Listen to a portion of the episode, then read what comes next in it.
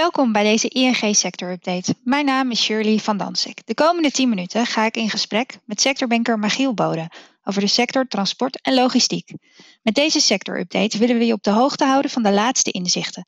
Dit kan je helpen om vooruit te denken en te acteren. Uh, Magiel, waar gaan we het vandaag over hebben? Nou, vandaag gaan we het hebben over onze ING-outlook voor transport en logistiek. Transport en logistiek omvat bij ING een aantal uh, subsectoren, zoals uh, vervoer over water, personenvervoer, luchtvracht. Maar het grootste gedeelte van onze portefeuille heeft uh, betrekking op goederenwegvervoer, logistieke dienstverlening, warehousing en expeditie. En daar wil ik dan wat meer op inzoomen nu. Ja, duidelijk. als we terugkijken naar 2020, wat valt jou dan op voor, voor de sector? Nou, wat opvalt is dat het zo'n ongelooflijk divers beeld was in 2020. Niet alle deelmarkten werden even hard geraakt. Hè. Zo groeide retail food uh, heel behoorlijk en zakte horeca en leisure uh, fors terug. Opvallend was wel dat het lockdown-effect wel tot vraaguitval leidde, maar dat was niet gelijk aan de economische crisis. Er waren diverse positieve effecten die meewerkten om de negatieve in feite te mitigeren. En je hebt het over positieve effecten, dan ben ik wel benieuwd welke dat zijn. Nou, wat je zag was dat bedrijven de omzetterugval opvingen door middel van hun flexibele schil en door bijvoorbeeld overuren terug te dringen. Wat dat betekende was dat ze op die manier hun kosten konden verlagen en het werk kon ook efficiënter worden uitgevoerd. En tegelijkertijd waren de doorstroomtijden op de weg stevig verbeterd omdat er veel minder files waren of helemaal geen files. En ook verlegden stromen zich van de winkelstraat naar de buitengebieden en ook naar het online traject, de webshops. Ja, duidelijk. Uh, trends en ontwikkelingen, daar ben ik ook wel benieuwd naar. Kun je daar wat meer over vertellen? Nou, duidelijk is dat uh, corona en de economische crisis de bestaande trends en, uh, ontwikkel, en ontwikkelingen zeg maar uitvergroten en versnelden.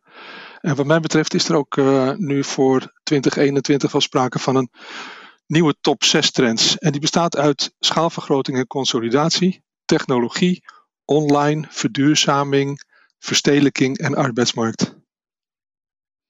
je noemt er zes, uh, maar wat zijn volgens jou de trending topics? Zou je er nou, twee uit kunnen kiezen?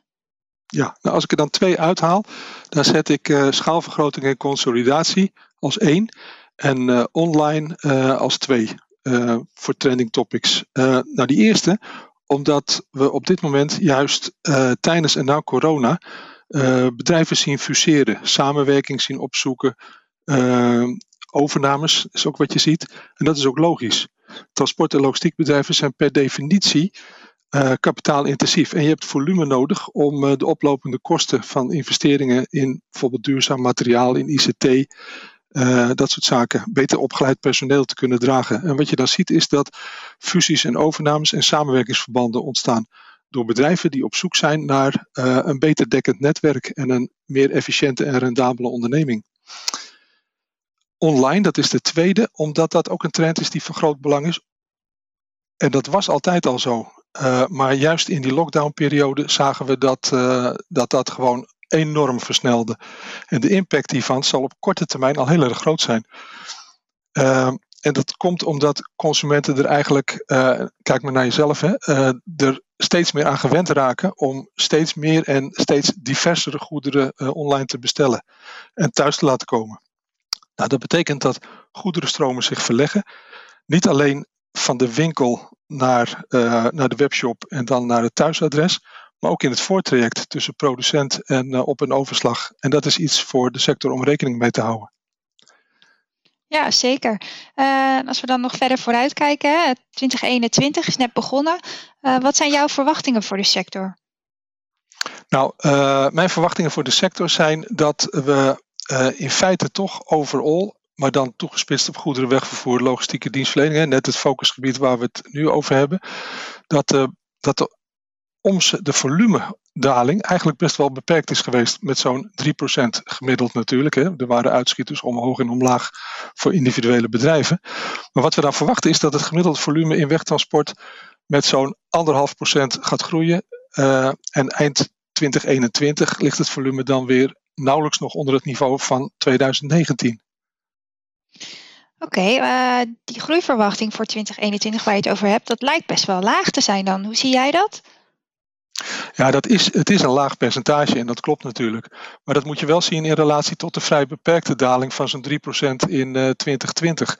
Daar waar je hele sterke stijgingen ziet, is ook meestal sprake van nou ja, een daaraan voorafgaande hele sterke daling.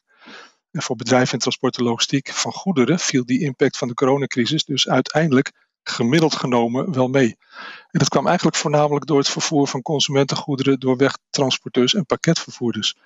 Uh, verladers uit vooral de horeca, de groothandel en de industrie, die hebben in 2021 weer meer vrachtaanbod. De vanuitgaande uh, ja, dat uh, de, de voorwaarden waaronder je zeg maar, een outlook maakt, dat die zijn zoals ze waren bij het maken van de outlook. Hè. Maar als je daarvan uitgaat, dan zal je zien dat dat weer tot meer vrachtaanbod leidt. En in de detailhandel is het dan wat minder, omdat het vorig jaar behoorlijk gestegen was.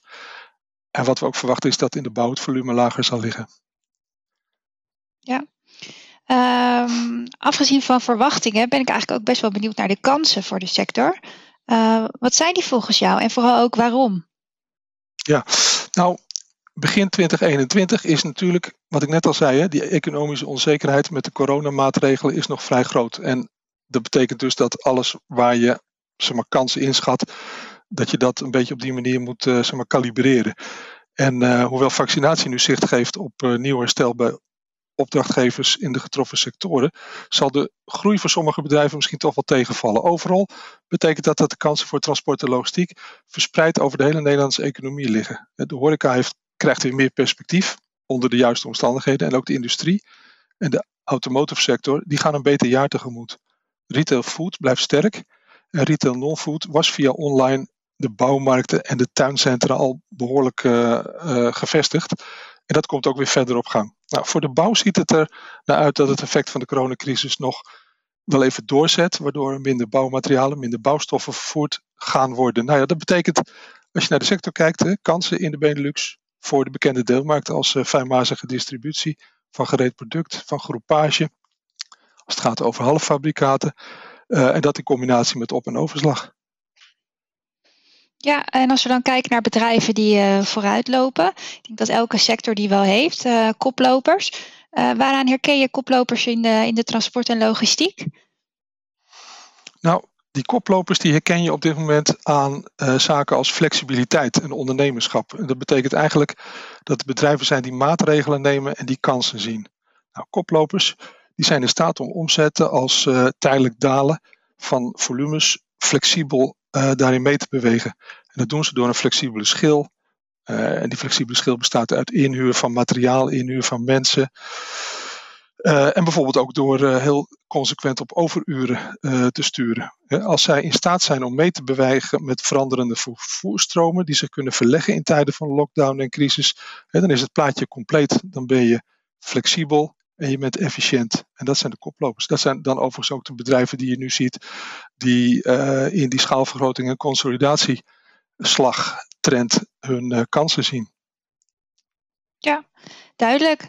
Uh, tot slot, Michiel, waar zou jij mee willen afsluiten? Heb je bijvoorbeeld een advies voor ondernemers? Ja, kijk, onze outlook die is toch nog steeds met de nodige onzekerheid uh, omgeven. alles staat of valt met het wel of niet versoepelen van lockdowns. En het is daarom goed om de drivers te onderkennen, zeker voor bedrijven in transport en logistiek, omdat zij een vorm van dienstverlening doen, juist gericht op andere sectoren in de economie. Uh, en dan zou mijn advies zijn, houd die houd die ontwikkelingen in de gaten. Kijk goed hoe het met de markten van je klanten gaat.